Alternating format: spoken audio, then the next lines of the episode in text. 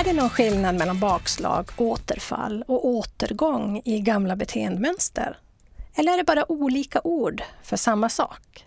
Ja, den här frågan får jag ofta i utbildningarna och i handledning. Så det är det vi ska prata om i dagens avsnitt. Välkommen till Lilla KBT-podden, podden som vänder sig till dig som jobbar med människor på olika sätt. Jag heter Lena Olsson Lalor och jag är din värd. Vi har kommit till avsnitt nummer sju. Så idag handlar det alltså om det är någon skillnad mellan bakslag, återfall och återgång i gamla beteendemönster. Så om vi tar bakslag först. Det är alltså ett tillfälligt misslyckande där personen kan återgå ganska snabbt till sin förändring. Så en snabb fallgrop om man säger så och så upp på banan igen snabbt.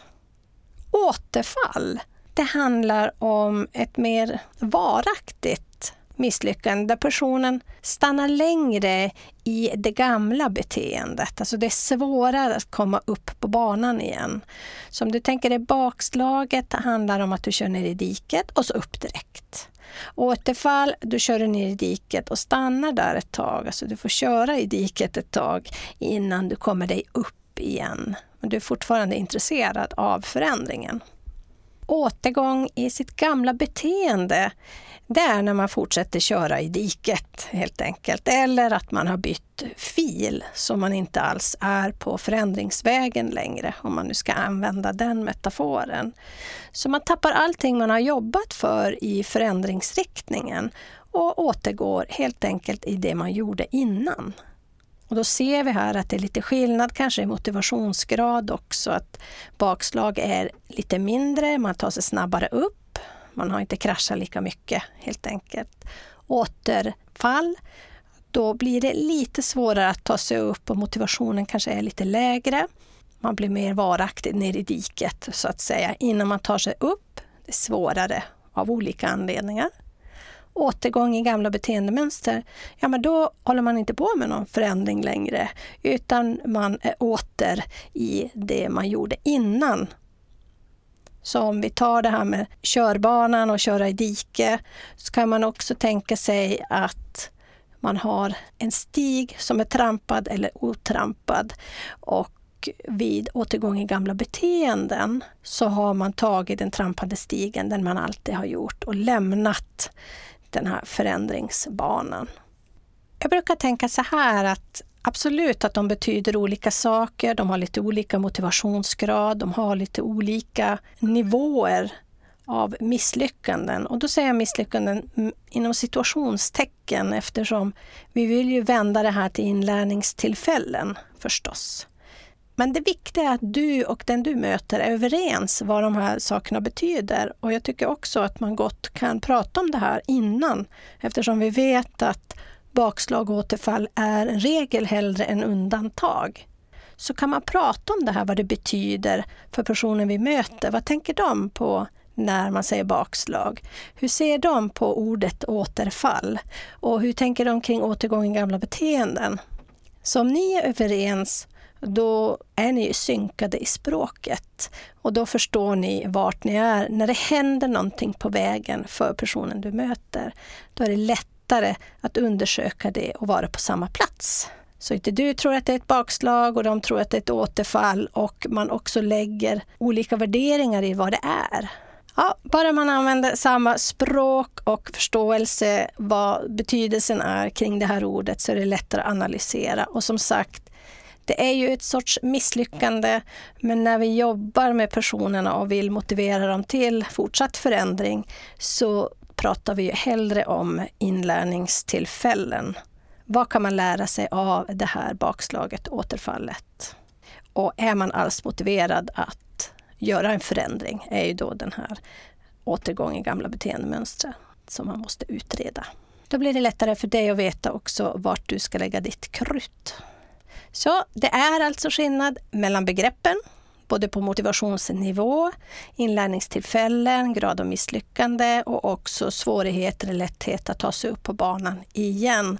Men se till att du och den personen du möter är överens om vad det betyder. Och gärna innan, eftersom det är en regel eller en undantag, att man kör ner i diket.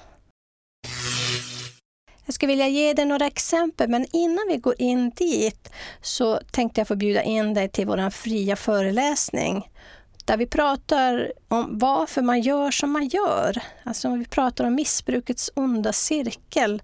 För här kommer det ju in då bakslag och återfall och återgång i gamla beteendemönster ganska rejält ofta just vid missbruk.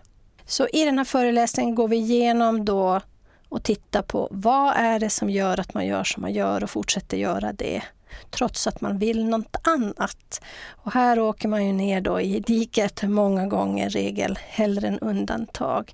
Men du är välkommen att titta på den här äh, fria föreläsningen. Gå in på bliambattrebehandlare.se så finns den där att tillgå.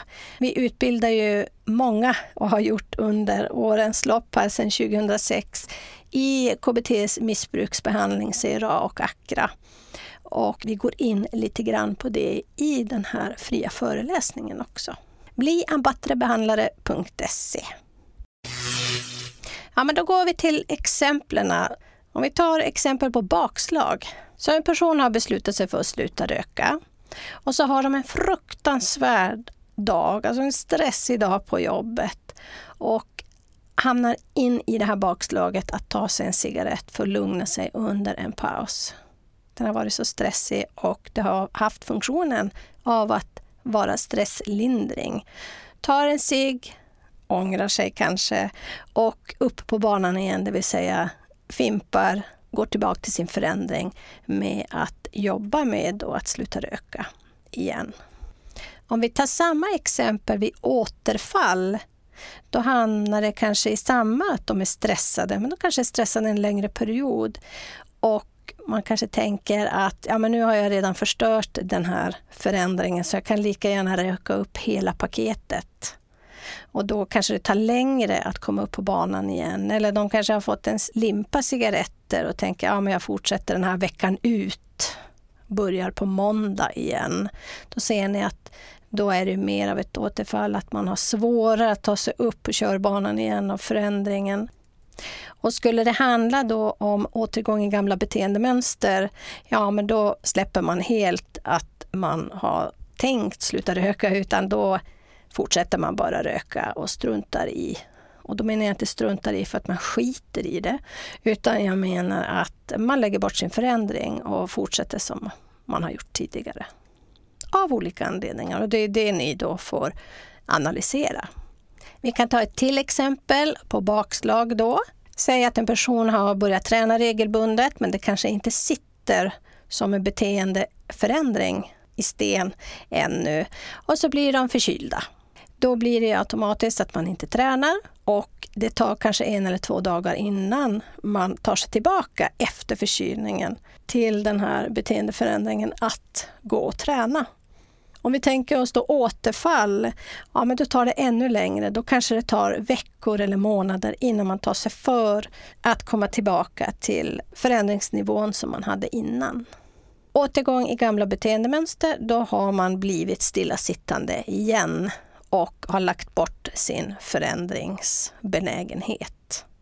Och ni ser här igen att det är lite olika varaktigheter på när man ligger i diket och har kört av vägbanan och innan man kommer upp igen på förändringen. Och det här gör ju också att man har olika svårigheter kanske att ta sig upp när man har fallit ner. Och det är ju också olika motivationsgrad på den här personen. Så en som kliver upp och tränar igen direkt efter sin förkylning är ju mer motiverad. Och den som haft återfall är lite mindre motiverad eller bara att det är svårare av någon anledning. Och den personen som blir stillasittande då har ju ingen motivation till förändring. Vi kan ta ett till exempel och det handlar om eh, att man till exempel har slutat äta socker och så på en fest så är det jättemycket godis och gott och vin och allt möjligt smaskens. Och under den här eh, festen så faller man för frestelsen på kvällen och tar sig en godisbit och dagen efter så återgår man i sin förändring ganska snabbt.